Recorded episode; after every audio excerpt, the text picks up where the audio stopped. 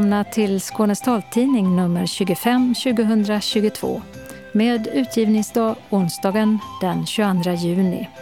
Solen den gick upp klockan 4.23 i morse och ner går den 21.56 ikväll. I studion Åsa Kjellman Erisi och Mats Sundling. Tekniker är Martin Holmström.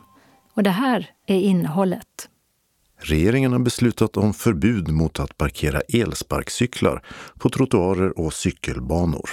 På tiden tycker Tekniska nämndens ordförande i Malmö, men vill gå längre. Kan du inte använda smartphone men vill lära dig? Snart börjar SRF utbilda nybörjare i ett samarbete med Region Skåne.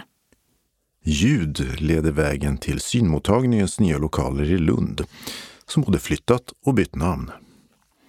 En särskild utredare har utsetts för att få fram bättre kunskap om hur barn med funktionsnedsättning har det i skolan. Prickskyttar, lottor och stridspiloter.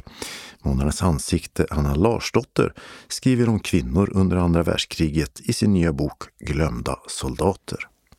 Årets midsommartävling har en hundraårsjubilerande underhållare som tema. Öppnat och stängt med mode och hamburgare. Evenemangstips med sommarnöjen och vikingavecka. Kalendern med persmäss och NATO-toppmöte. Anslagstavlan med regionala och lokala meddelanden samt ändringar i kollektivtrafiken. Och idag delar sydvästra och mellersta och sydöstra Skåne på tavla. Sist redaktionsrutan.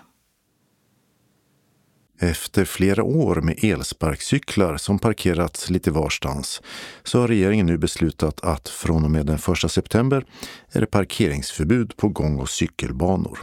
Huvudregeln är att de ska stå vid cykelställ eller annan uppställningsplats. Det var på tiden, tycker kommunalrådet, tillika ordförande i tekniska nämnden i Malmö, Andreas Schönström, när vi når honom vid Nobeltorget. Ja, men det var väl eh, på tiden. Det är väl den spontana reaktionen. Jag har ju efterlyst och efterfrågat det här jättelänge, att vi skulle få ordning på parkeringarna av elsparkcyklarna som nästan idag eh, vi kan anse vara nedskräpning av våra städer. Så det är en mycket välkommen lagändring. Hur stort problem är det för er? Det är ett stort bekymmer. Man kan säga så här att det fluktuerar med årstiden. I början av året har vi cirka 16-1700 elsparkcyklar i Malmö då är det inte ett så stort problem. Utan det är framförallt under det varma halvåret. Då kan vi ha uppemot 6 000 elsparkcyklar i Malmö och de är precis överallt. Slängda, ibland står de. Jag passerar nu precis en elsparkcykel som står och blockerar ett övergångsställe. Och där ska den ju absolut inte stå. Och att det då finns ett eh, sånt här beslut ifrån regeringen, vad ger det er för möjligheter? Vi har ju redan eh, tidigare planerat då att vi kommer ju ytterligare skärpa kraven på elsparkcyklar. Så i Malmös fall får de inte ens ställas i cykelställ utan de ska ställas på särskilda parkeringsplatser som eh, kommunen nu uppför från och med i sommar eh, för elsparkcyklar. Då. Så de får inte ens ta plats i cykelställen. Men när ni då har så starka kommunala regler redan, spelar det här någon roll med regeringens beslut? Ja, det gör det därför att eh, de reglerna vi inför nu, de kan vi inte tvinga elsparkcykelföretagen att följa förrän deras polistillstånd går ut. Och deras polistillstånd går ut först i eh, december 2023.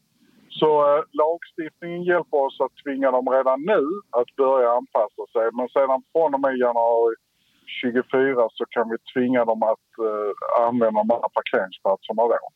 Så att eh, lagstiftningen får man nog säga att den, den hjälper oss en bra bit på vägen. Regeringen har beslutat om en ändring i trafikförordningen som innebär att kommunerna och polisen lättare ska kunna flytta elsparkcyklar om de står felaktigt parkerade på gång eller cykelbanor. Och cyklarna de ska flyttas till en särskild uppställningsplats men även kortare förflyttningar kan göras. Och enligt de nya reglerna så är det elsparkcykelföretagen som ska betala kostnaderna för flytten. Men kommunerna ska kunna meddela lokala undantag från förbudet. Och I en skriftlig kommentar till Skånes taltidning säger infrastrukturminister Thomas Eneroth citat. Vi ser hur elsparkcyklar slängs och parkeras slarvigt i städer i hela Sverige. Detta drabbar andra trafikanter och inte minst personer med funktionsnedsättning. Därför ger vi nu kommunerna ytterligare ett verktyg för att skapa ordning och reda på våra gator. Och I Skåne har elsparkcyklar ställt till med problem i många städer, till exempel Helsingborg, Lund och Malmö. Och inte minst då för personer med synnedsättning. Och Andreas Schönström, tekniska nämndens ordförande i Malmö, tycker att man borde tänka till ordentligt, inte bara när det gäller elsparkcyklarna, och vill också se andra regler. Ja, det viktiga är väl att jag tror att regeringen måste börja fundera på om det verkligen var rätt att följa Transportstyrelsens förslag där man inte tyckte att man skulle reglera elsparkcykeln som ett särskilt fordon. Vi har ju varit på det här tidigare. Idag är det ju, anses det vara en cykel och det, det anser jag att det inte är. Och den bör inte ha då samma lagstiftning heller. En av de skillnaderna är ju till exempel det här med var de får lov att parkeras. Men också så tycker jag att det är rimligt att ställa krav på åldersgräns för när man får använda dem att man har hjälmtvång, att eh, de måste uppfylla vissa krav på eh, bromssystem och liknande så att man får en jämnare kvalitet på de här elsparkcyklarna. För just nu känns det som att många kör runt med ja, ganska billiga elsparkcyklar där kvaliteten är därefter och där man inte kan lita på dem att de stannar i tid. Så du skulle egentligen se att det blev eh, ännu hårdare reglering? Jag tror att det är fler saker som måste göras så att vi inte har råd att vara naiva i den här frågan. Eh, jag var i Köpenhamn förra veckan och där ställs nu elcyklar ut i samma omfattning som elsparkcyklar. Innan dess har jag varit i Berlin och där hyr man ut elmopeder. Också de i samma mängd som elsparkcyklar. Det kommer massvis av såna här typer av delningsbara fordon och då måste vi ha ett regelverk och en lagstiftning som täcker alla så vi får ordning på alla och inte bara några. Det sa Andreas Schönström, socialdemokratiskt kommunalråd i Malmö. Och I Norge har man precis infört hårdare regler för elsparkcyklarna och även andra elfordon. Bland annat just åldersgräns och hjälmkrav. Reporter var Åsa Kjellman Erisi. Kan du inte använda en smartphone men skulle vilja lära dig? I mitten av augusti startar SRF Skåne en utbildning både för de som ser lite eller inte alls. Utbildningen är öppen för alla som behöver lära sig grunderna. Och de som kan minst får en plats först. Region Skåne betalar för det ettåriga projektet som redan väckt intresse på andra håll i landet. För det är många synskadade som skulle ha nytta av att få tillgång till den digitala världen. SRF Skånes ombudsman Henrik Eld har jobbat länge för utbildningen. Det känns jättebra att vi nu är äntligen på väg att starta det. Och förhoppningsvis blir det en förlängning, men det vet vi ju inte. Det får vi ju se när vi har jobbat ett tag med det. Utbildningen ska ske ja, här i er lokal i Hör, i det gamla järnvägshotellet. Vi är konferenslokalen, ett av utbildningsställena. Mm. Mitten av augusti, tror du att det ska dra igång? Det kan jag nog nästan lova att eh, i mitten på augusti är vi igång och har eh, utbildning här. För eh, Yasin och Sara börjar den första augusti. Och så kommer vi att behöva några dagar för att strukturera upp och ställa in hjälpmedel, datorer och sådär. Och telefonerna som ska användas eh, ska justeras och lite så. Så att det kommer ju att behövas några dagar innan vi tar emot eh, elever helt enkelt. Och för vem är den här utbildningen egentligen tänkt? Ja, så som vi har presenterat projektet för Region Skåne som bekostar det så är det ju för att eh, få in människor som är i ett digitalt utanförskap att vara digitalt delaktiga. Så att ju längre ifrån eh, den digitala utvecklingen man befinner sig så blir man ju prioriterad för det här projektet. Det vill säga om man inte vet någonting alls mm. så kommer man först? Ja, så blir det ju. Det blir ju den gruppen i första hand. Och eh, är man så att säga, man känner att man är i ett digitalt utanförskap. Man vill ändra på det. Man är beredd att satsa. och eh, lära sig att använda en smart telefon. Och det kan också vara en genväg att hoppa över datorer och gå direkt på en smart telefon. Det kan vara en lättare väg till digital delaktighet. Mm. Vad är det då, ja, vad är det första man får lära sig här då? Det blir ju inte någon specifik funktion eller app utan det som vi kommer att börja med är ju grunderna i hur man navigerar med en smart telefon, alltså i telefonen, när man är synskadad. Om man är synsvag och använder förstoring eller om man är gravt synskadad och eh, använder voiceover eller talkback. För det är ju ganska abstrakt i och med att du inte har några knappar utan det är en glasskärm som du sveper på och som du knackar på. Det är ju det som är det svåra. Hur navigerar jag på den här enheten när jag inte ser någonting? Eller ser lite. Då är det två utbildare med två specialiteter. Mm. Kan man säga så? Sara Månsson och eh, Yasin Hayablu som sitter här bredvid. Alltså en synsvag del och en blind del med ja. alltså, talsyntes och liknande. Då. Ja men precis. För jag har ju tyckt att det var viktigt att man dels är synskadad själv och sen så vill vi ha en som är synsvag och jobbar med mobilen på det sättet. Eh, och en som är gravt synskadad och använder mobilen med talsyntes. Och den som har då, vad ska vi kalla den för? Talsyntes och iPhone-biten kanske, alltså för blinda, de som inte ser alls. Yasin Hayablu, du ska hålla i den. Ja. Vad får man lära sig av dig? Man kommer få lära sig från grunderna hur man slår på en iPhone, hur man kommer igång, om det är iPhone eller Android. Men hur, hur man slår på en smartphone och hur man navigerar och svepar och hur, hur det funkar. Liksom. Så att vi, vi kommer såklart att lägga mycket fokus att man kan lära sig från absolut grunderna. Hur tar man emot samtal? Hur ringer man samtal? Ja, det, det, är, ju, det är ju den biten som man kommer lägga såklart mycket fokus på i början så att man, man kommer igång då. Hur många timmar eller tillfällen alltså, går utbildningen till? Jag tror det kommer bli väldigt mycket individuellt hur mycket man behöver. Vi kommer ändå ha en, någonting som man går utifrån men om det är någon som man känner att ja, men det här behöver lite, lite mer så kommer vi såklart ge den tiden. Bara att man, att man vill lära sig och man har viljan. Vilja att öva hemma då förstod jag också. Ja, såklart. Vi, vi hjälper till här så mycket och så men det är viktigt att man ska själv vilja lära sig. Vi kommer att vara den här vägen till att kunna lära sig. Men man måste själv också ha vilja och eh, de övningar som man får ska man ändå öva till nästa gång.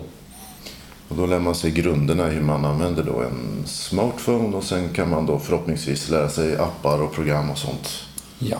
framöver. Såklart. Ett viktigt mål är ju också att bli digitalt delaktig med mobilt bank-id. Det kommer vi ju ha som ett mål också att man ska kunna skaffa ett mobilt bank-id och hantera det. För det är ju en del som gör att man är i ett digitalt utanförskap så påtagligt när man inte har och kan hantera ett mobilt bank-id. Ja, SRF Skåne har fått en halv miljon kronor av regionen då för det här ettåriga projektet. Hur många är det som kommer att få den här utbildningen? Vi har gjort en grov uppskattning att vi skulle kunna klara av runt 150 personer på ett år. Men det vet vi inte. Det är där någonstans vi satsar men det är inte alls säkert att vi kommer upp i så många. Och, och jag kanske har varit för optimistisk när jag har så att säga, uppskattat tiden för varje enskild. Så det är jättesvårt att säga. Vi kommer att dokumentera och följa upp våra insatser så att vi hela tiden löpande kan redovisa det till Region Skåne och visa på att vi gör skillnad. Att människor kommer över ett digitalt utanförskap. Och den här utbildningen då, den är till för ja, alla. Mm. Man behöver inte vara medlem i SRF Skåne utan ni driver det här på ja. uppdrag av regionen för alla som kan tänkas behöva det. Precis. De två största kriterierna för att vara kvalificerad att gå utbildning här är ju att man eh, är så pass synskadad så att man eh, kvalar in till att vara patient hos eh, synmottagningen. Att man är ett, befinner sig i ett digitalt utanförskap. Så det har ingenting med SRF-medlemskap att göra. Kan det här bli en modell för hur fler gör runt om i landet? Alltså att en SRF förening eller ett distrikt som ni då mm. tar över en del av regionens habilitering och rehabilitering. Det är ju absolut ett stort intresse både från Riksförbundet och jag har också eh, varit med på ett möte med SRF Göteborg och berättat om det här och hur vi har tänkt oss. Eh, vi hoppas ju på att projektet mynnar ut i ett längre samarbetsavtal med Region Skåne. Och då kan vi också utvidga projektet när vi har betat av de som står längst ifrån en digital delaktighet och erbjuda fortbildning och utbildning till fler synskadade. Du kanske använder din iPhone eh, delvis men eh, använder mest diktering och Siri för att komma åt olika funktioner. Det finns ju en potential att nå ut till en ännu bredare grupp synskadade som vill lära sig mer. Nästa steg efter att man prioriterat eh, mobilt BankID är ju till exempel funktionerna i 1177. Och det ligger ju i regionens intresse också att fler klarar av sina vårdtjänster digitalt. Sa Henrik Eld, ombudsman på SRF Skåne. Och vi hörde också Yasin Hai Abdo som tillsammans med Sara Månsson kommer att utbilda i smartphone-användandet. Och utbildningen är alltså öppen för alla i Skåne, inte bara medlemmar i SRF. Och den som vill gå kursen kan ringa 0735 18 29 12 eller e-posta gsm srfskane.se. Reporter i Hör var Mats Sundling. För en tid sedan flyttade synmottagningen vuxna och barn till nya lokaler i Lund. Och här blev det en koncentration av flera verksamheter som träffar personer med synnedsättning. Men även namnet är bytt, förklarar enhetschefen Pirjo Kaikkonen som visar runt i det nya huset. Men vi träffas precis utanför. Vi har ju bytt namn och eh, vi finns ju i ett hus. Och då är det dövblindmottagningen, vuxna, hörsel och dövmottagningar barn och unga synmottagningen barn och unga, synmottagningen vuxna som finns i detta huset.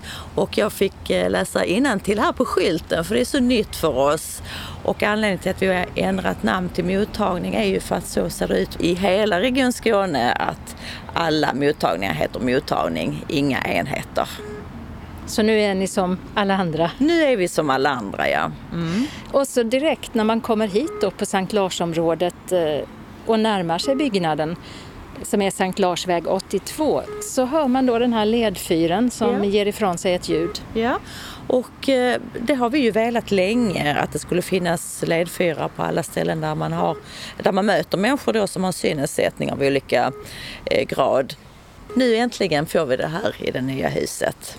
Så det är en skillnad mot där ni var förut? Ja, det är en stor skillnad. Så nu kan man hitta hit och man hör det här ljudet ganska så långt bort. Hur kommer man hit? För det är ju en bit ifrån centrum. Ja, det är ju så. Man kan ju ta en buss som stannar precis utanför. Plus att här är ju tre parkeringsplatser man kan ställa sig på. Men att det även finns en stor parkeringsplats nära att ställa sig på som är tvärs över gatan. Ska vi gå in och se hur det ser ut? Ja, ja gärna det. Första entréplan är ju för eh, mina medarbetare då som möter patienterna. Så hela denna delen som vi kommer in på nu är för våra patienter. Och det första som man kommer till är ett väntrum rakt fram med lite stolar och soffor och även ett litet barnbord. Det är ju så att vi har ju två väntrum. Vi har ju väntrum 1 som är till för barn och unga och sen har vi receptionen i mitten och sen till höger om receptionen så finns väntrum 2 och det är till för våra vuxna då. Och här är också en barnhörna med massa skojiga leksaker här. Ja, det är ju väldigt uppskattat för barnen att sitta där en stund. Så blir det inte så nervöst när de ska vänta för att komma in. Här kan man dra och ha sig magneter är det här va? Som de sitter fast med olika små klossar och grejer. Det är ju taktila leksaker som man kan både se och känna. Och det är någon, i form av en larv som kryper längs med väggen här. Ja, ja och där är lite olika saker man kan göra. Där är en klocka man kan vrida på. Man både ser men man kan även känna de här visarna kan man flytta runt. Och där är små spakar man kan veva. Där blir lite ljud av det när man vevar runt. Och sen ska vi fortsätta så Ja, ser vi ja. vart vi tar vägen. Är här någon punktskrift eller så som man kan känna vart man kommer? Det är ju så att det är ju utmärkt till exempel toalett så är där med punktskrift. Och bokstäverna som är i vitt mot svart botten, de är också upphöjda så man kan eh, känna bokstäverna. och man kan känna här att det är en handikappanpassad toalett. Ja, och det är ett enkelt tecken så det är lätt att förstå att här är handikapptoaletten. Så är det då receptionen Ja. här. Och här anmäler man sig då. Då anmäler sig man där ja. Och nu kommer vi till väntrum 2. Ja, precis. Och där är ju inga leksaker, ingenting så vi tyckte det var viktigt att skilja åt för att det inte skulle ligga någon kloss på golvet så det finns risk att halka eller trilla för att man snubblar över någon leksak. Så därför är det ett barnväntrum och ett vuxenväntrum.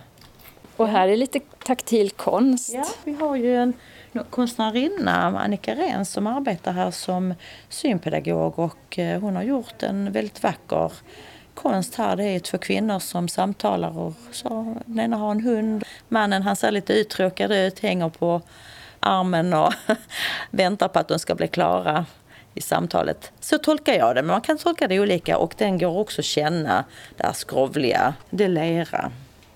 Och här sitter man då och väntar på att man blir eh, kallad till något rum. Ja, precis. Det är ju så att på denna våningen så är det ju bara behandlingsrum och eh, här är man ombytt som eh, personal då.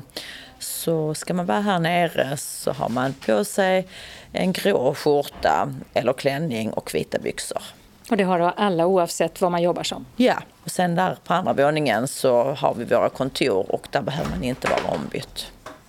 Varför flyttade ni hit från det förra stället? Ja, det var ju för att eh, samlokalisera oss för att alla vi mottagningar ska kunna vara på samma ställe för att underlätta samarbetet. Men även att eh, kostnadseffektivisera så att vi samlar mer enheter på lite mindre yta men ändå tillräckligt mycket yta för att kunna göra det vi ska göra. Men det här att ni sitter på samma ställe som döv till exempel, eh, har ni fördelar av det? Ja, stor fördel. Det är ju mycket lättare att prata kring patienterna. Det kan ju vara olika mm, saker som man behöver samordna sig kring och eh, då är det lättare att ta kontakt med varandra när man sitter så nära. Ja, från väntrummet för barn och det för vuxna leder långa korridorer åt varsitt håll. Ett grått golv har försetts med mörkare markering vid dörrarna in till de olika mottagningsrummen. Liksom att dörrarna också har mörkare kontrastmarkeringar runt om samt kring handtaget så att de med lite syn kvar ska kunna urskilja dem. Och en fördel med flytten till Sankt Larsområdet är de betydligt lugnare omgivningarna som gör det lättare med inte minst den första träningen med vit käpp utomhus. Här är ju en enklare miljö, här är inte så mycket bilar som kör så den första träningen tänker jag att den är lättare att göra här. Och, och eh, gångvägar som man kan använda sig av. Vi har ett hjälpmedelsförråd här om det kunde vara intressant. Där vi har lite olika hjälpmedel. Förråd 1 står här. Förråd 1 ja. Här är lite medarbetare som håller på att gå igenom. Hej, hej. Och eh, här har vi ju alla våra hjälpmedel nära ett närförråd. Vi har ju ett stort förråd i Staffanstorp men här är närförrådet som behandlarna går ut och hämtar olika förstoringsglas och käppar och allt man behöver. Har du någonting, en klocka kanske Vi som har hörs? också se talande klockor vi har på denna sida. Det är den. Då är det Patricia som försöker få upp en klocka här som är synpedagog. Vi måste bara aktivera talet. Okej. Och det är för att spara batteriet. Lördag sex minuter över tolv på natten. Det stämmer inte riktigt helt. riktigt. Till och med kopieringsrummet har punktskrift här. Ja, och det är ju så att eh, det kan ju vara någon medarbetare som, just nu har vi ingen som eh, behöver använda punktskrift. Men eh, skulle det vara så, så är jag här förberett så man kan jobba här lätt. Här är träningskök är här som vi kan kika. Och här är även så man kan ha lite gruppverksamhet, laga mat tillsammans för att få lite tips i vardagen hur man kan göra saker på ett annat sätt med känseln istället för att man använder ögonen. Men om vi tittar på spisen till exempel. Här är då taktila knappar som man känner Ja, tydligt. precis. Nu är det de här eh, så kallade gammeldags eh, vreden. Och där kan man ju marka upp och komma överens om att ja, men jag sätter en prick på ettan. Eller ja, nu är detta ugnen. Att nu är det ugnen du har satt igång och då är det hela ugnen. Så man pratar och visar att så här marka upp det så vet den personen då om man till exempel eh, lagar mat att på 200 grader så är där en upphöjd prick. Det är små, små knep som underlättar i vardagen. Här hänger tre lampor över Ja. det stora bordet i mitten och de ser olika ut. Ja, och det är ju för att man ska kunna visa att, och känna efter att ja, men den här typen av belysning passar bäst för mina ögon. För det är inte alltid att samma belysning passar för alla typer av ögonsjukdomar som gjort att man fått en synnedsättning. Så där kan man ge tips och råd för hur man ska kunna ha det där hemma. Och patienterna har inga svårigheter att hitta hit. Vi har ju fått lite signaler på att det kan vara svårt och vi har ju framfört det med skyltningen och så och det har lyfts uppåt så vi hoppas ju på att det kan bli ännu bättre. Att det kan vara svårt att hitta hit eh, när man kommer in i området, att man inte vet exakt var man ska ta sig. Men eh, slår man in adressen och har GPS och anhöriga då hjälper till så är det ju inga problem. Det sa enhetschef Pirjo Kaikkonen och adressen är alltså Sankt Lars väg 82. Och den buss som går ut till synmottagningen är buss 6 och man stiger av vid hållplatsen Köket. Reporter var Åsa Kjellman Erisi. Hur har barn och elever med funktionsnedsättning det i skolan? Ja, det vill regeringen få mer och djupare information om och tillsätter en särskild utredare som ska analysera och föreslå hur kunskapen kan öka. Och skolminister Lina Axelsson Kilbom säger i en kommentar i ett pressmeddelande från regeringskansliet. Alla barn ska ha en bra möjlighet att klara skolan. Då är det viktigt att kunna följa hur det går för olika elevgrupper. Och därför tillsätter vi nu en utredning för att få bättre kunskap för funktionsnedsatta elevers situation. Slutcitat. Och Synskadades riksförbund är positiva till utredningen och SRFs förbundsordförande Niklas Mattsson säger i en kommentar. Det är bra att regeringen äntligen tar tag i denna fråga. Elever med funktionsnedsättning är särskilt utsatta i skolmiljön. Och till särskild utredare har Magnus Tideman utsetts. Han är professor i socialt arbete med inriktning funktionshinder på Högskolan i Halmstad. Och uppdraget ska redovisas senast den 29 september 2023. Månadens ansikte Anna Larsdotter är journalist och författare med krigshistoria som sin specialitet. Hennes senaste bok Glömda soldater handlar om kvinnor under andra världskriget. Bland annat prickskyttar, lottor och stridspiloter. Jag har alltid tyckt att krig har varit intressant och att man borde titta närmare på det. Att speciellt kvinnor har haft en lite, vad ska man säga, lite nonchalant inställning. Kanske för att det inte har berört oss så himla mycket. Vi har inte behövt ta ställning för att vi har inte behövt göra värnplikt förrän nu på senare tid och så. Men jag har nog svårt att säga att jag tänkte på detta som barn. Jag var väldigt eh, fascinerad av historien när jag var liten och eh, liksom kunde drömma mig tillbaka och önska att jag kunde åka i en tidsmaskin eller någonting och komma till 1600-talet. Jag läste Lars Widdings romaner just om eh, 1600-talet och så. Men eh, just det här krigsintresset är nog något som har växt fram senare när man blir mer och mer också uppmärksam på hur världen ser ut och vad det är som har drivit historien. För det har ju faktiskt varit mycket krigen, får man säga. Är det här dina, ditt bokurval? Ja, det är lite överallt i alla rum egentligen. Så, ehm, men här har jag samlat kvinnohistoria och militärhistoria som jag har sysslat med rätt mycket de senaste åren. Där är du översatt till finska med den förra boken. Ja, den står där. Naiset Sodisa. Jag vet inte om jag uttalar det rätt. Och det är facklitteratur bara eller är det fack och skönblandat? Det är nog bara facklitteratur faktiskt. Jag har ju läst oerhört många böcker inför de här två böckerna i ämnet som jag har skrivit. Så att jag har på mitt sommarställe så har jag också minst lika mycket till i den här genren. Om du skulle sticka ut handen och dra ut en en viktig en för dig? En som jag tycker är helt fantastiskt bra om man vill läsa militär historia men som kanske inte jag har använt jättemycket så är det ju Svetlana Aleksijevitj, Kriget har inget kvinnligt ansikte. Det tycker jag nog är en av de absolut bästa böckerna om krig som har skrivits överhuvudtaget. Hon har en väldigt speciell teknik att berätta, att hon samlar in oerhört mycket intervjuer under lång, lång, lång tid och sen liksom klipper hon ihop den så att det blir någon slags skönlitterär berättelse. Men eh, det är ju verkliga händelser och berättelser som ligger i botten. Är hon någon förebild när det gäller skrivande och skrivsätt? Nej, det kan jag nog inte säga egentligen att hon är. Men jag tycker väldigt mycket om den boken och eh, den har betytt mycket för mig därför att hon har visat ändå att man kan skriva på ett annat sätt om krig än de vanliga militärhistoriska skildringarna som vi kanske är vana vid att läsa om mycket truppförflyttningar och sådana saker som, ja, just där kan man säga kanske att hon är lite förebild för att jag inte heller är jätteintresserad av just den aspekten utan mer hur människor upplever kriget. Enligt den amerikanska krigsreportern Martha Gellhorn på plats i Helsingfors börjar kriget prick klockan 9.00. Men det är först några minuter senare som flyglarmet går. Det är den 30 november, en klar och frostig morgon. Bomber och flygblad börjar regna ner över gatorna. På det senare står det Kasta bort era vapen, återvänd till era hem, rädda er mor, er fru och era barn från svältdöden. Rädda ert fädernesland från den folkfientliga regeringen som drivit landet i krig med Sovjetunionen. Krig emot den väldiga Röda armén är lönlöst och hopplöst. Finländarna skrattar och river sönder bladen.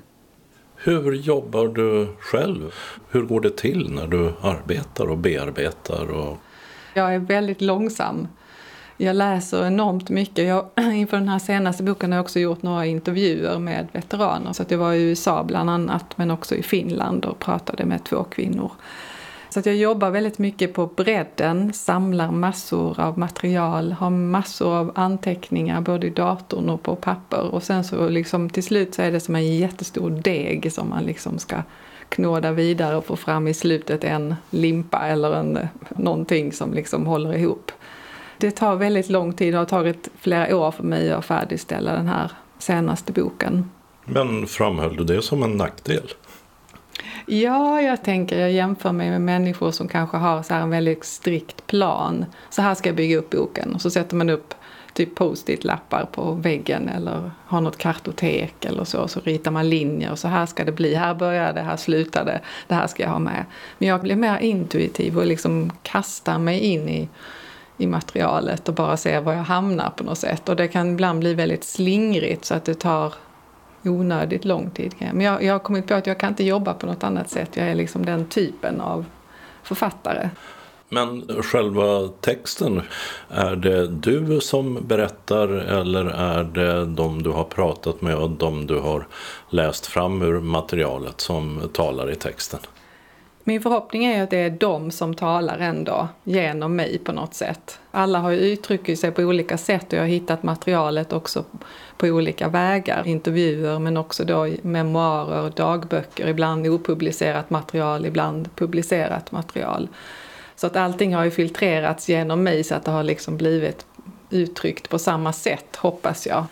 Min tanke har varit att jag har velat komma nära de här kvinnorna. Det är ett 20-tal kvinnor jag beskriver i boken. Så att man lär känna dem lite grann och känner hur de faktiskt upplevde att vara så pass nära en krigssituation. Och eh, se vad som förenar dem, men också vad som skiljer dem åt beroende på vilken nation eller ideologi som de representerar i kriget.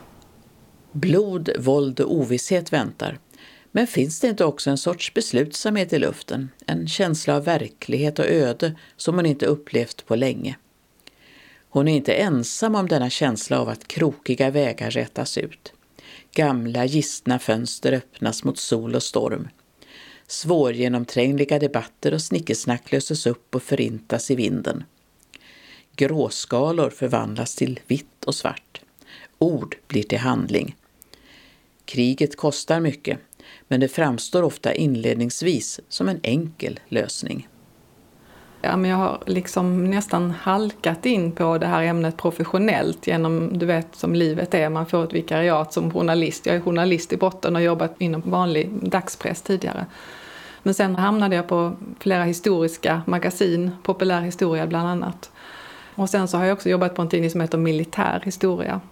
Det var där jag började tänka på jag såg ju kvinnor hela tiden i utkanten av berättelsen om kriget men det var inte så ofta som de dök upp som huvudpersoner.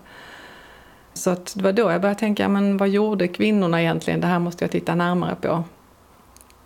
När jag skulle skriva min första bok då om, i det här ämnet som heter Kvinnor i strid så var det någon som sa, ja men det kommer att bli en tunn bok. Kvinnor har ju inte varit med i krig i princip. Men eh, det fanns ju hur mycket material som helst så att eh, sen när jag hade skrivit den boken som då tar ett längre perspektiv från 1600-talet till Vietnamkriget ungefär så tänkte jag att nu vill jag titta närmare på andra världskriget och se hur det såg ut där.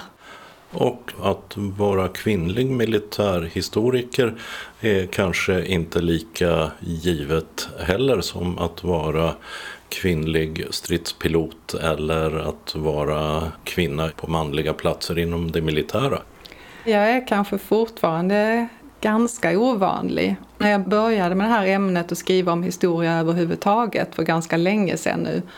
Jag har jobbat som frilans och haft historia som nisch i ett par decennier. Så var jag ganska ensam ändå faktiskt. Och kvinnohistoria var inte heller så stort som det har blivit nu. Så nu är vi ju många fler. Men just att skriva om den militära världen och krigsvärlden, det är betydligt fler män naturligtvis som, eftersom det har varit ett manligt kodat ämne och ett manligt, en manligt kodad profession. Så så har det blivit så. Och när kvinnor skriver så har, tittar vi på det på ett annat sätt. Och det sättet har också blivit vanligare att se på krig från en mer social eller liksom mänsklig aspekt. Även bland manliga kollegor till dig? Ja, jag tycker mig se det att de kanske följer efter lite grann nu. Förebild, är du en sån då? Nej, jag vet inte om jag är en förebild direkt, men att just att man ser att man kan skildra krig på olika sätt. Se krig som något större och något som börjar tidigare och slutar senare än bara de här frontstriderna som det oftast då beskrivs som, eller ja, truppförflyttningar och vapenhantering och sådana saker. Det tekniska, att det finns mycket annat att berätta. Och i Anna Larsdotters senaste bok Glömda soldater, där finns allt ifrån övertygade tyska nazister över finska lottor till sovjetiska piloter och prickskyttar. Ja, jag skriver om tre olika sovjetiskor, två ukrainskor och en ryska. Den mest kända är ju prickskytten Ludmila Pavlichenko, född i Ukraina och uppväxt utanför Kiev. Nu letar jag efter henne här. Där har, där har vi den amerikanska Telma Sanders som var en av dem som jag intervjuade och träffade i USA för några år sedan. Båtmössa, ganska rejäl permanent och ett väldigt stramt ansikte och ändå verkar det vara en hel del läppstift och välsminkat. Ja, hon lät ta den här bilden när hon kom från sin tjänst eh, i Asien då, där hon hade varit i tre år. Så gick hon till en fotoateljé och fick sitt porträtt taget, så det är det vi ser här. Hon har uniform på sig. Hon är fanrik då, motsvarande i det amerikanska Army Nurse Corps som hon tillhörde. Kina, Burma, Indien fronten. Nu ska vi se om vi hittar Ludmila. Där var Ludmila. Man ser hur Ludmila ligger i gräset här och hon har också båtmössa på sig med någon slags mera enkel overall. Jag tror det är någon sorts kamouflage-overall som ska göra att hon smälter ihop med landskapet runt omkring. Och så har hon då ett eh, prickskyttegevär med kikarsikte då. Ja, hon ligger där och spanar på fienden. Jag antar att det här är någon slags PR-bild som armén har tagit. För de var ju ganska stolta över en del av de här kvinnliga soldaterna som gjorde bra ifrån sig. Och de fick vara med i olika tidningar och de fick hålla föredrag och så vidare. Och hon var som sagt väldigt berömd då för hon hade över 300 fienden, de tyska nazisterna, som hon hade dödat. Ehm. Piloterna ska också finnas med här. De är också ganska kända. Det mest kända regementet med kvinnliga piloter var ju de som kallades för natthäxorna. Eh, just det. Nattbombregementet. Det fanns tre stycken kvinnliga regementen. Eh, och det var egentligen bara ett av dem som verkligen kunde infria den här principen att det bara skulle vara kvinnliga medlemmar därför att man, ja det var brist på personal helt enkelt. Men i just det här då, 46 gardes nattbombregemente som de hette så småningom, så var det bara kvinnor från mekaniker och kontorister till lastare och skyttar och piloter.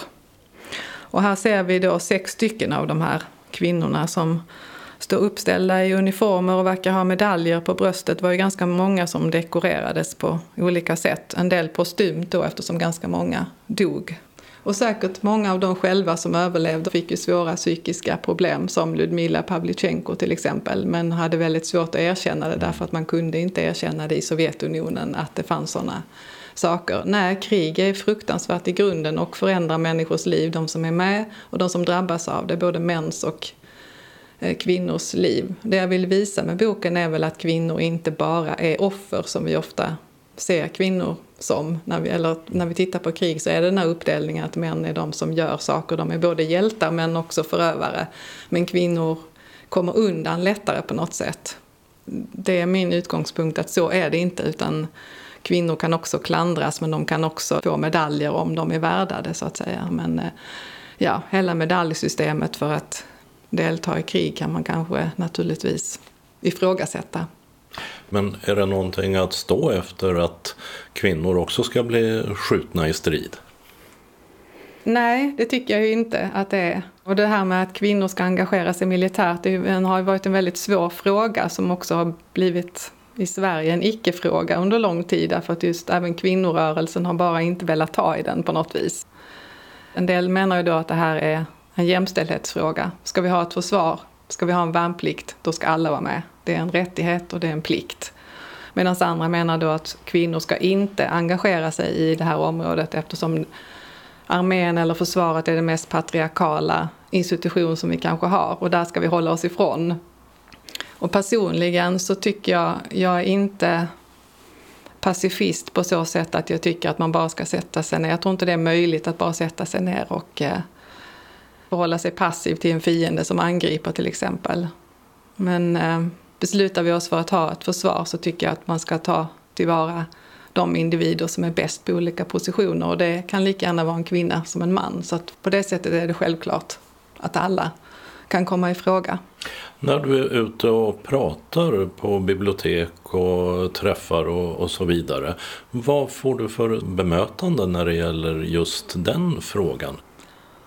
Ja, det händer väldigt sällan att någon ställer en sån fråga eller liksom problematiserar på det sättet. Jag tror att de som fortfarande tycker att det här är väldigt jobbigt för kvinnor att förhålla sig till, de kommer inte på föredragen eller läser inte böckerna.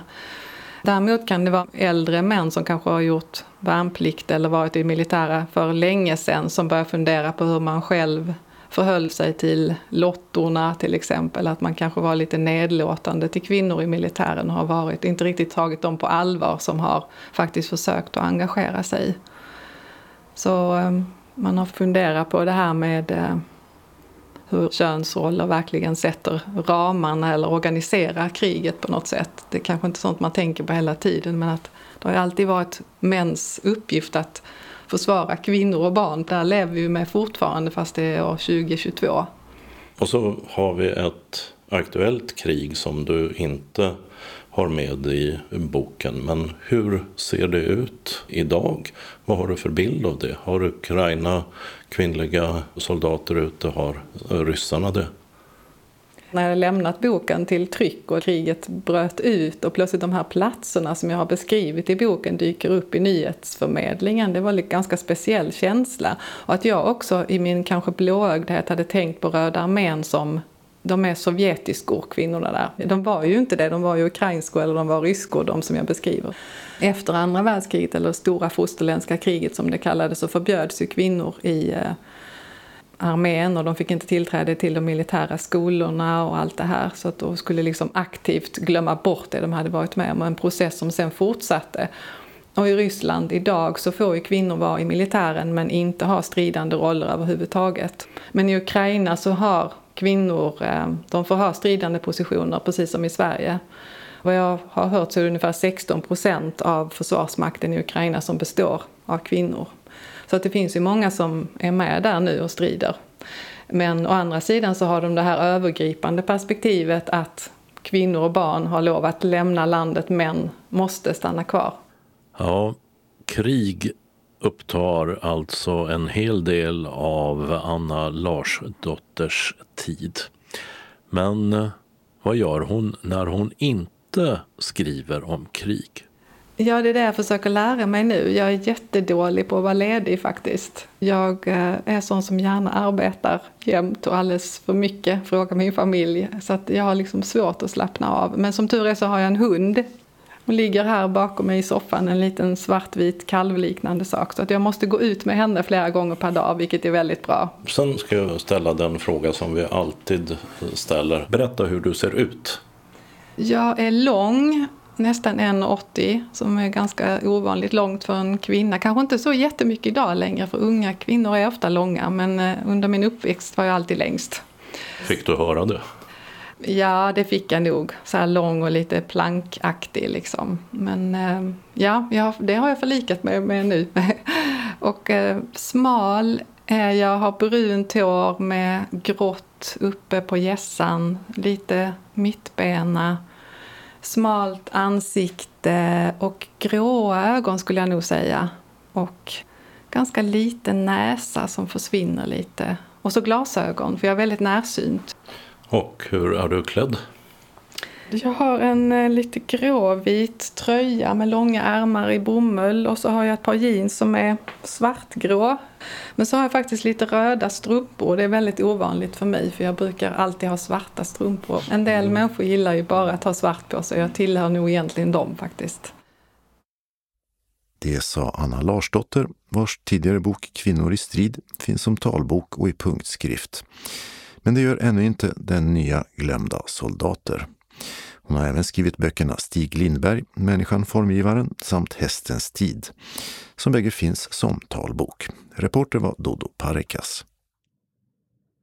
Årets midsommartävling ska handla om en folkkär underhållare, revymakare, kompositör, skådespelare med mera.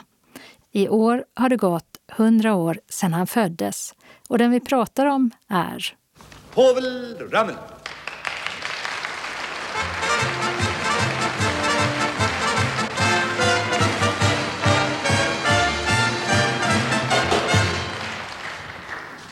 Det här det var tv-legendaren Lennart Hyland som introducerade denna tävlings huvudperson Povel Ramel i ett tv-program 1963.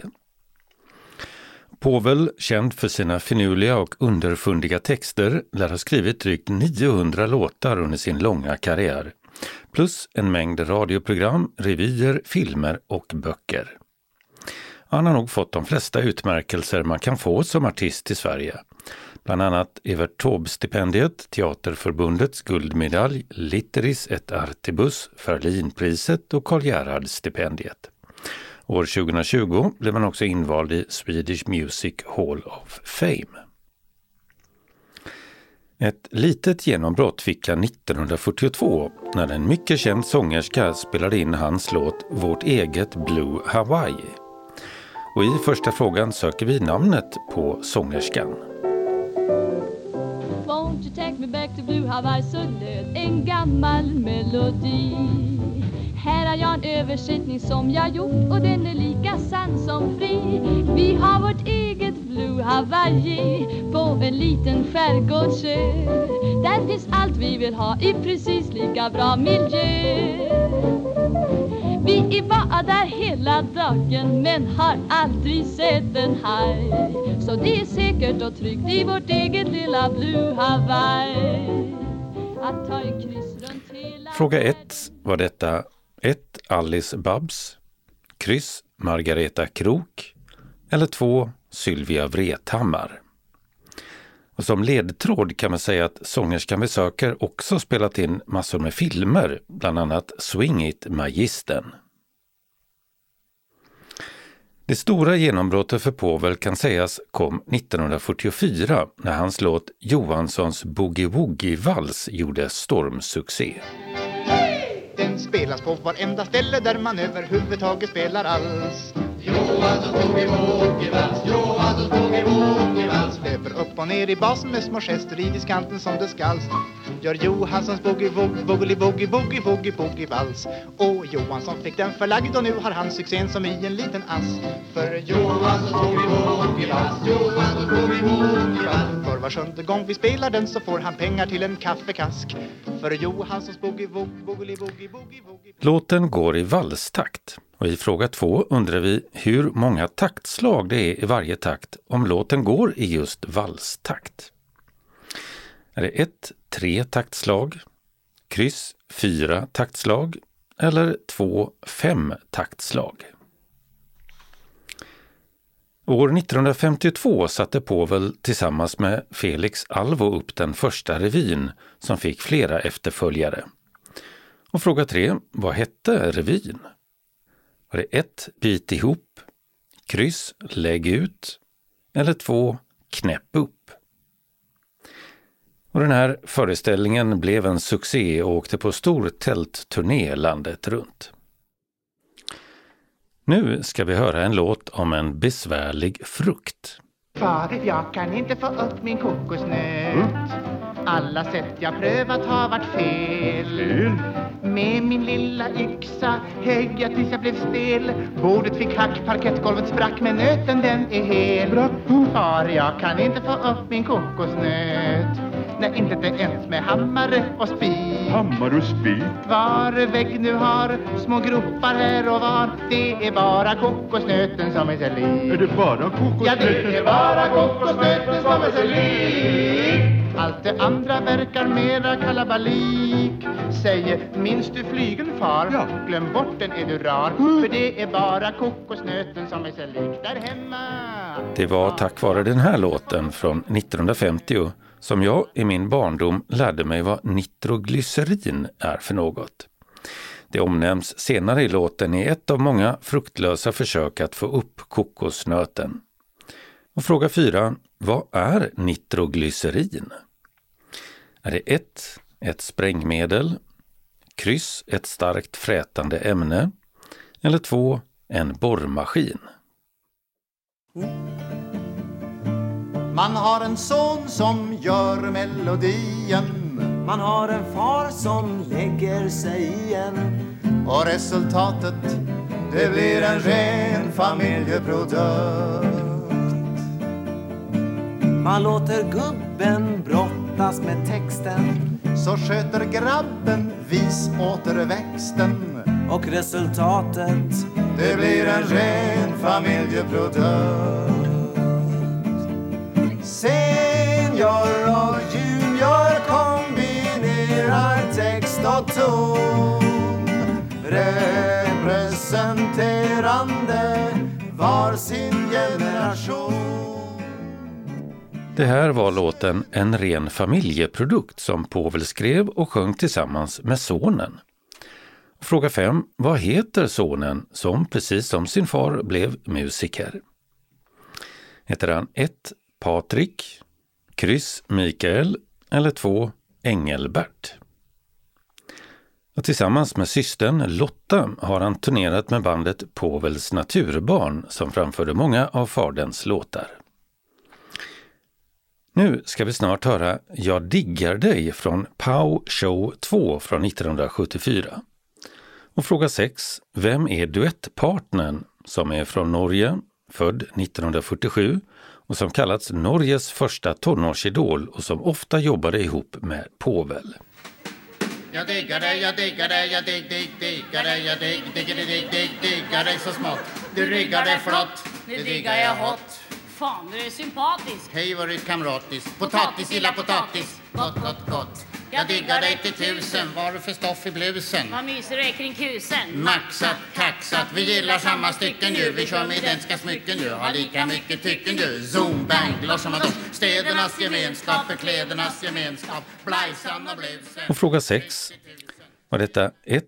Gro Harlem Brundtland, kryss Wenche Myhre eller 2. Britta Borg? Povel var faktiskt en adelsman. Då han tillhörde ätten Rammel av pommerskt ursprung så var han en så kallad friherre, den näst högsta adelstiteln i Sverige. Och I fråga 7 undrar vi vad den högsta titeln för adel i Sverige är. Är det 1. Furste, kryss riddare eller 2. Greve? Om man inte tycker att det är viktigt med rim och reson i visorna, då kan man skriva barnvisor, sa Povel och skrev låten Lingonben som gjorde succé bland barnen. Här framförd av en man som ofta jobbade ihop med Povel. Stora slottet Rummeldim ligger bortom fjärran. Dit får ingen komma in som ej kan baka struvor. Gyllenkrull och sockertipp. Kom ska vi dansa häxan våt. Vill du med här så har du nått. Sov du lilla tryne. Kungen är full av stock och sten Skogen är full av lingonben Här är full av tomtar Hur ska lillan orka?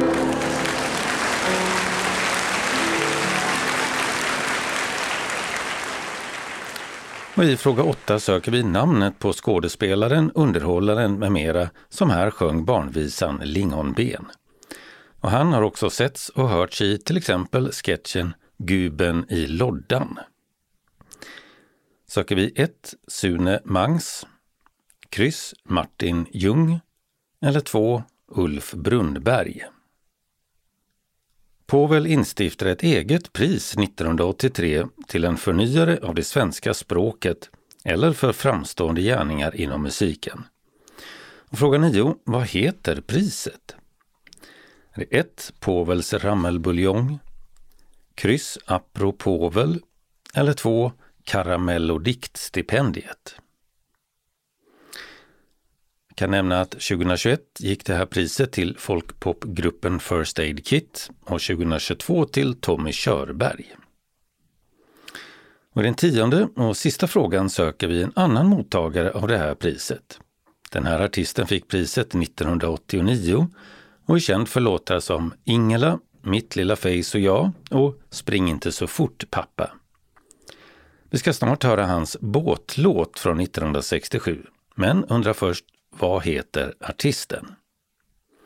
Är det 1. Felix Herngren, kryss Robert Broberg eller 2. Magnus Uggla?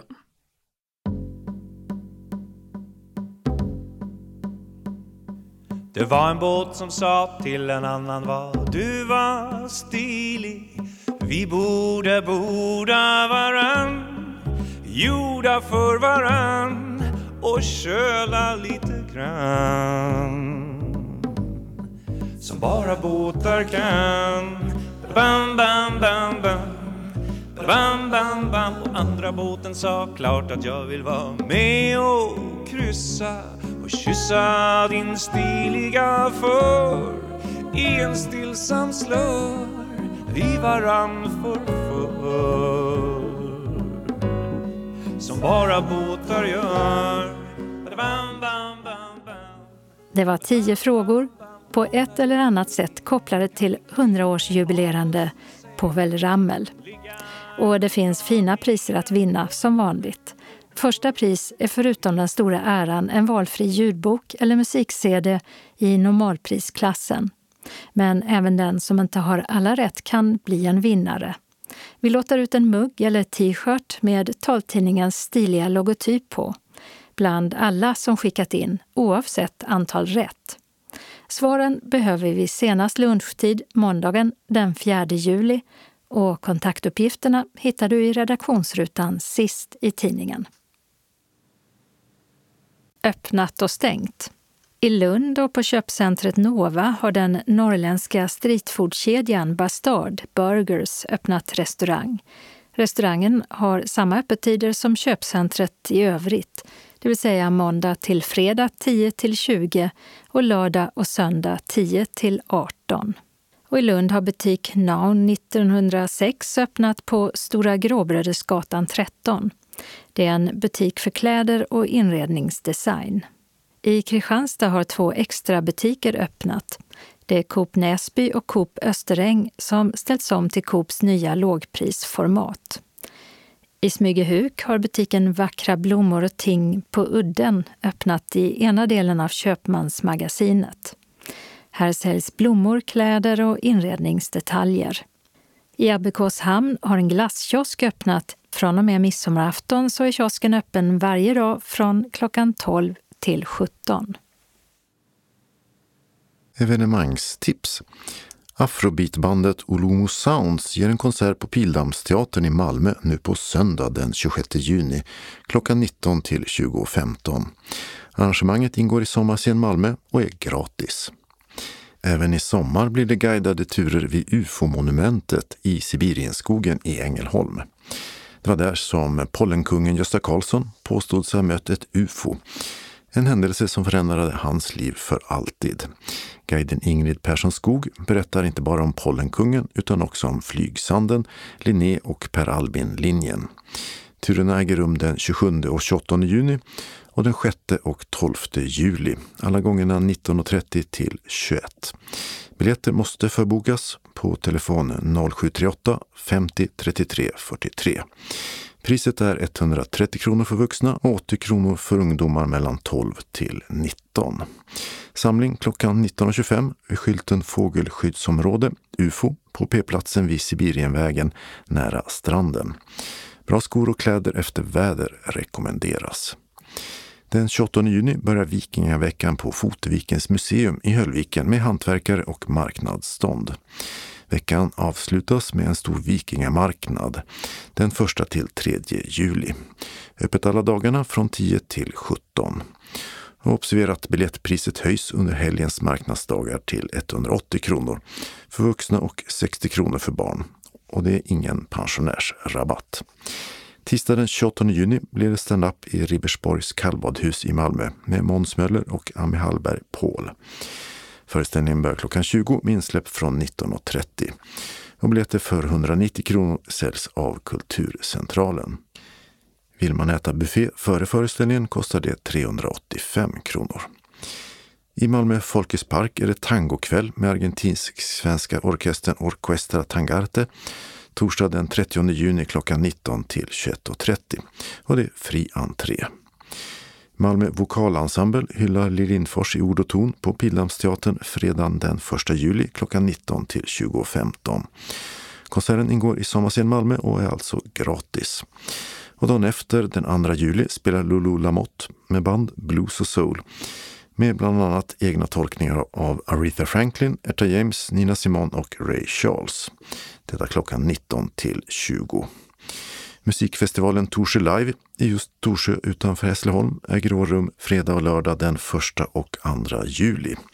Bland årets artister finns Jill Johnson, Miriam Bryant, Timbuktu och Dam, Cornelia Jacobs, Torsson, Jodla Messiv och Ängelholmsbandet Baltasar med en hyllning till Peps Persson. Tixter har i talande stund endagsbiljetter kvar för 645 kronor. Och den som har frågor om festivalen kan ringa 0731 54 83 79.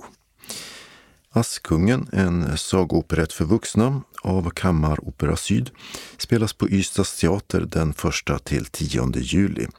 Det blir totalt 12 föreställningar på eftermiddags och kvällstid. Rollen som Askungen görs av Nina Pressing och den elaka styvmamman av Rickard Söderberg. Biljetter från eh, 265 kronor säljs av Ystad Visitor Center, den gamla turistbyrån alltså, och Eventim. Thomas Ledin firar 50 år som artist och turnerar med showen En nådens sommarkväll med klassiska hits som Sommaren är kort och En dag på stranden. Turnén kommer till Sofiero slott i Helsingborg fredag den 1 juli och till Öja krog i Ystad fredag den 22 juli. Ticketmaster säljer biljetter för 595 kronor. Biljetter köpta till förra årets inställda turné gäller i år på samma ort. Ett författarsamtal med Susanna Alakoski kan man lyssna till i Teppans koloniområde i Lund på adressen Kastanjegatan 19A. Söndag den 3 juli klockan 16 till 17. Samma söndag, den tredje, är det premiär för Ängelholmsrevyns sommarlustspel Gästhuset i Haradal som framförs på Gripenscenen i Stadsparken. Föreställningen ges totalt 14 gånger i juli till och med den 30. alla gånger klockan 19 till 20.30. Biljetter säljs på Ängelholms turistcenter eller i biljettboden i parken en timma före föreställningen. Pris 260 kronor för vuxna, 130 för ungdomar mellan 10 och 20 år och 20 kronor för barn under 10. Biljettinformation Eventim 0771 65 10 00 Kulturcentralen 040 10 30 20 Ystad Visitor Center 0411 57 76 81 Ängelholms Turistcenter 0431 821 30 och Tixter 0771 47 70 70. Kalendern för vecka 26 börjar med måndag 27 juni. Selma och Fingal har namnsdag. I Linköping börjar SM-veckan där 32 sommarsporter från artistisk gymnastik till wakeboard har sina svenska mästerskap. Goldbollen deltar inte i år, men paragolf, paracykel och parasimning blir det. De två sistnämnda numera som en del av huvudförbundens mästerskap. Och i London börjar Wimbledon-turneringen i tennis.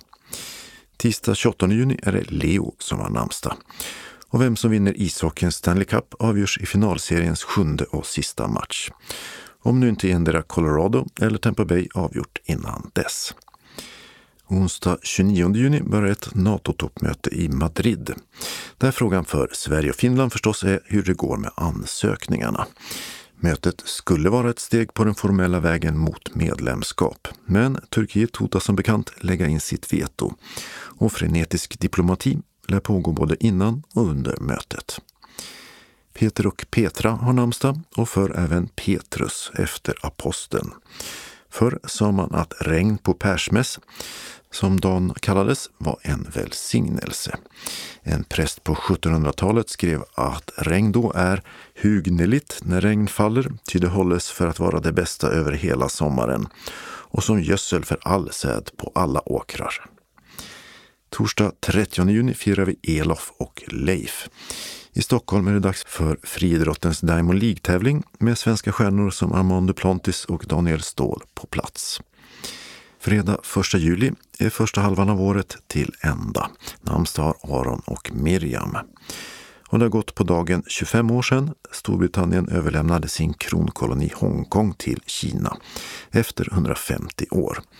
Med avtalet att Hongkong skulle fortsätta att vara fritt och med egna lagar under principen ett land, två system. Men som bekant har Kina det senaste året avskaffat friheterna och infört direkt styre från Peking och krossat all opposition. Hundratusentals Hongkongbor har flytt till andra länder. Cykelsportens största etapplopp, Tour de France, startar i Köpenhamn. Och de tre första etapperna de körs i Danmark. Med målet drygt tre veckor senare i Paris som vanligt.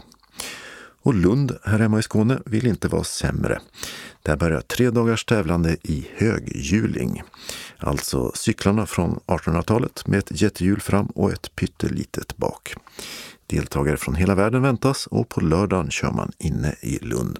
Och det lär gå undan. Lördag den 2 juli är det avslutningsvis Rosa och Rositas namnsdag medan på söndag den 3 juli är det det för alla som heter Aurora.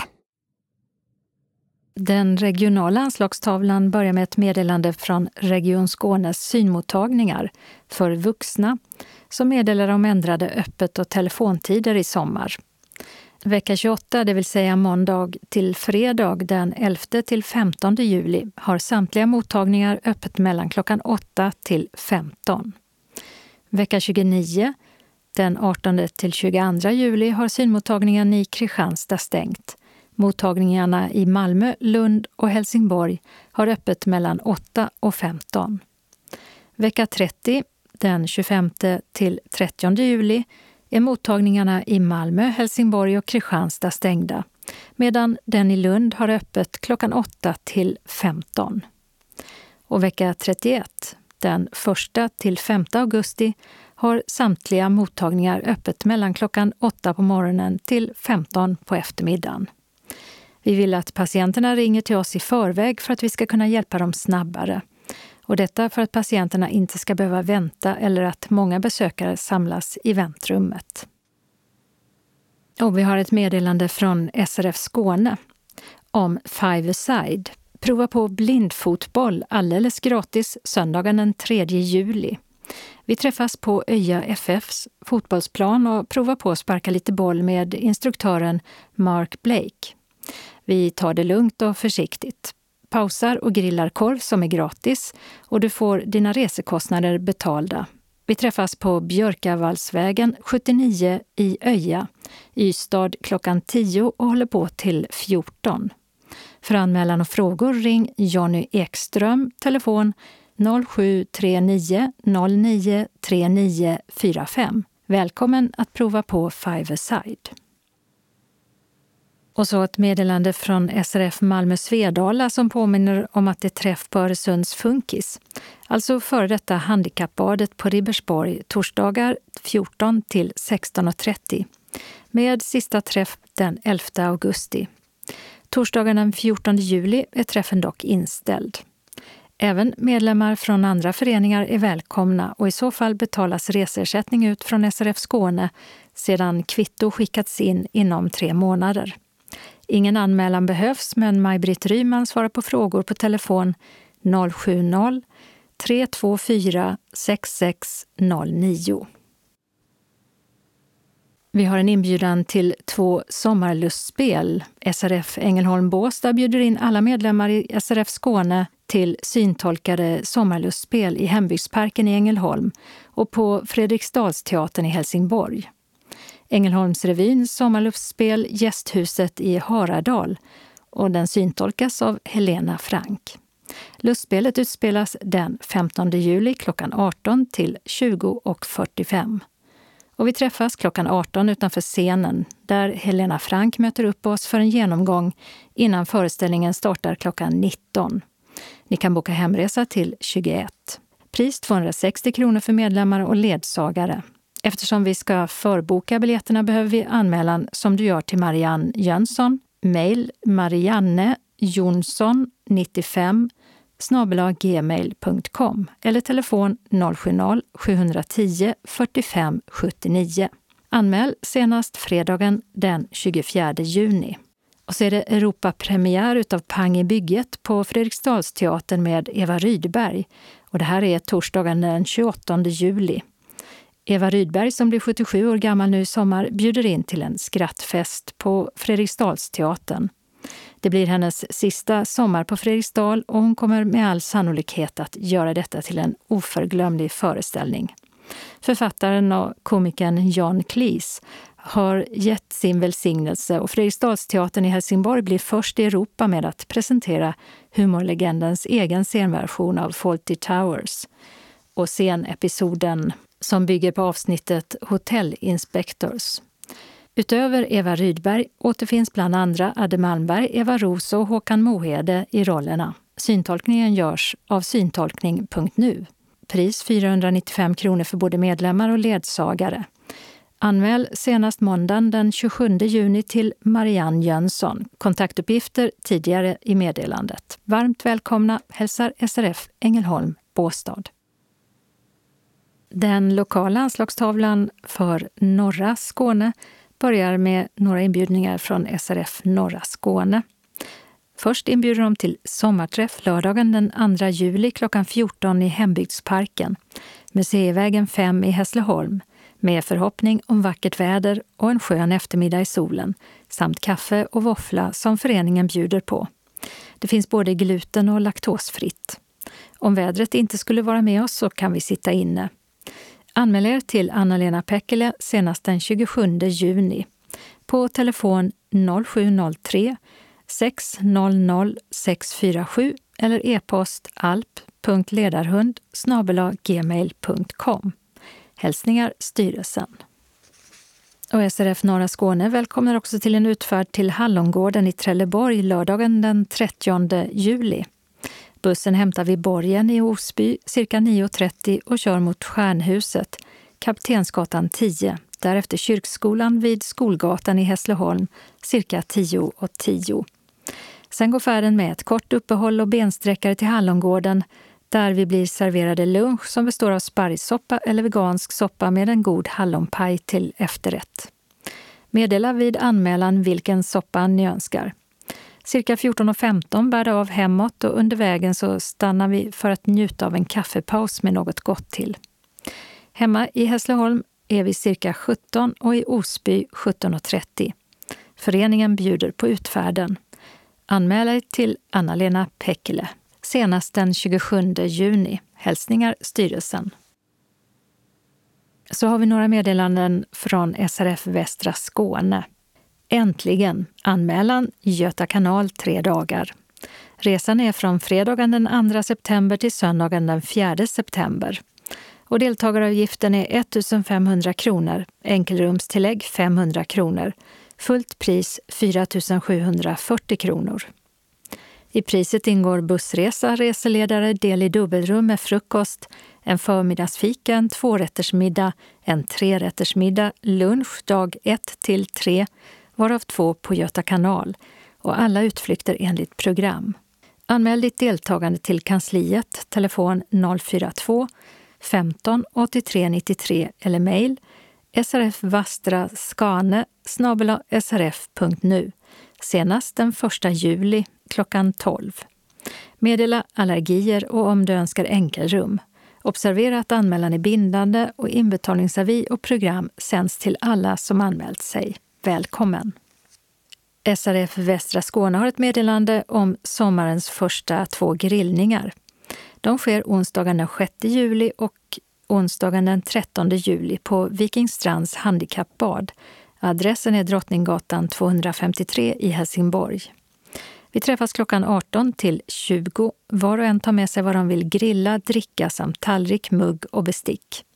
Kansliet ordnar med det som hör till själva grillningen. Och det bjuds på kaffe, te och liten kaka. Eftersom ingen vet hur vädret kommer att bli vill kansliet att alla anmäler sig. Vid dåligt väder ställs grillningen in, vilket i så fall meddelas de som anmält sig. När kansliet är stängt kan man anmäla sig till Monica på mobiltelefon 0735 623523 eller 0739 377332. Och så har vi en tillfällig ändring i busstrafiken i Bromölla och Tians väg som berör passagerare på linje 561 och som redan är igång och håller på till den 15 juli klockan 16.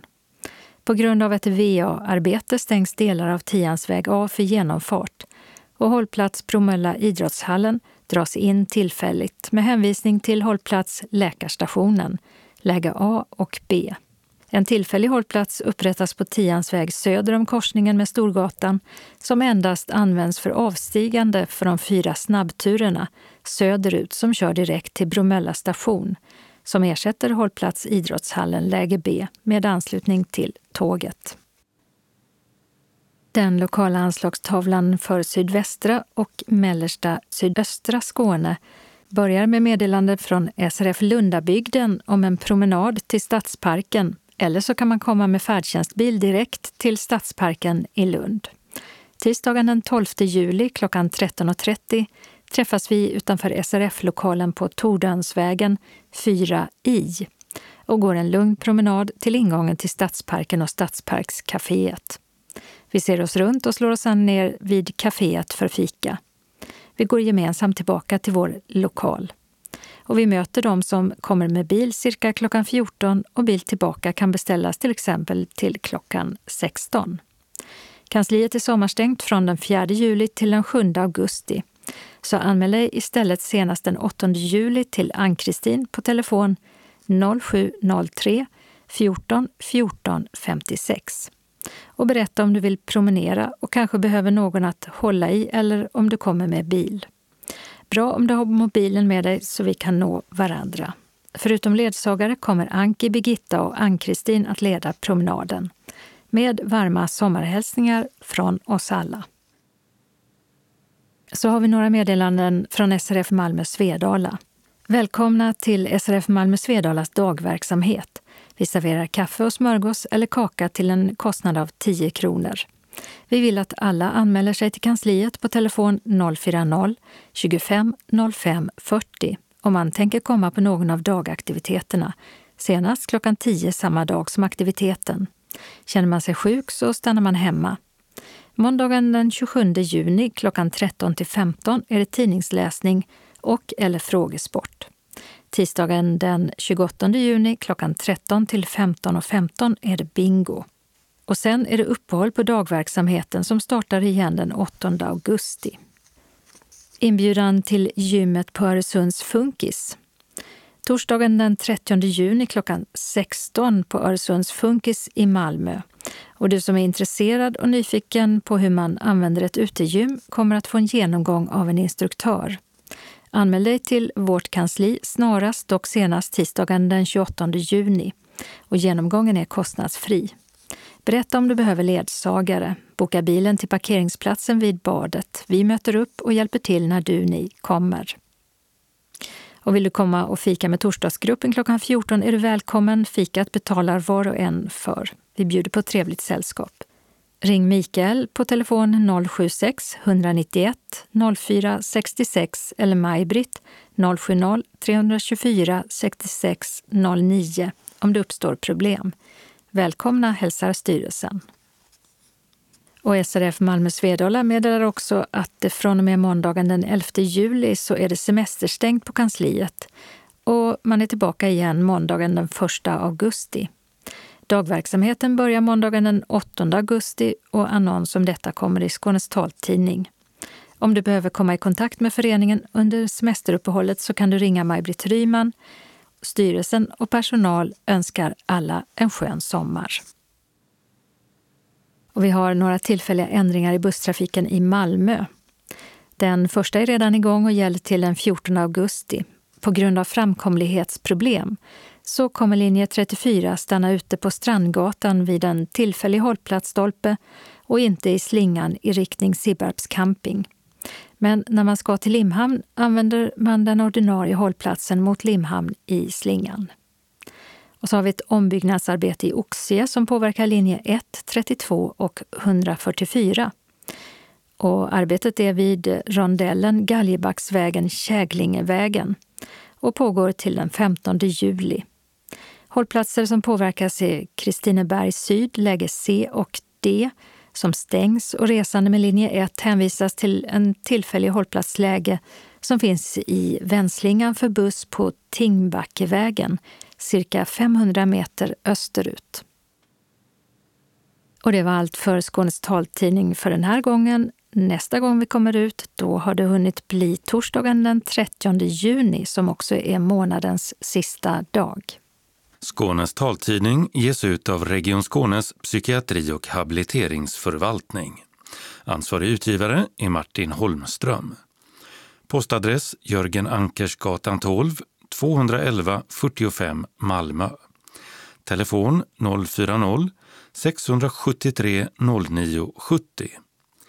E-post Skanes taltidning snabela skane.se och hemsida skanestaltidning.se. Observera att CD-skivorna inte ska skickas tillbaka till oss. Såväl skivor som kuvert kan läggas i brännbara sopor när ni inte längre vill ha dem. Vi hörs igen. Hej då!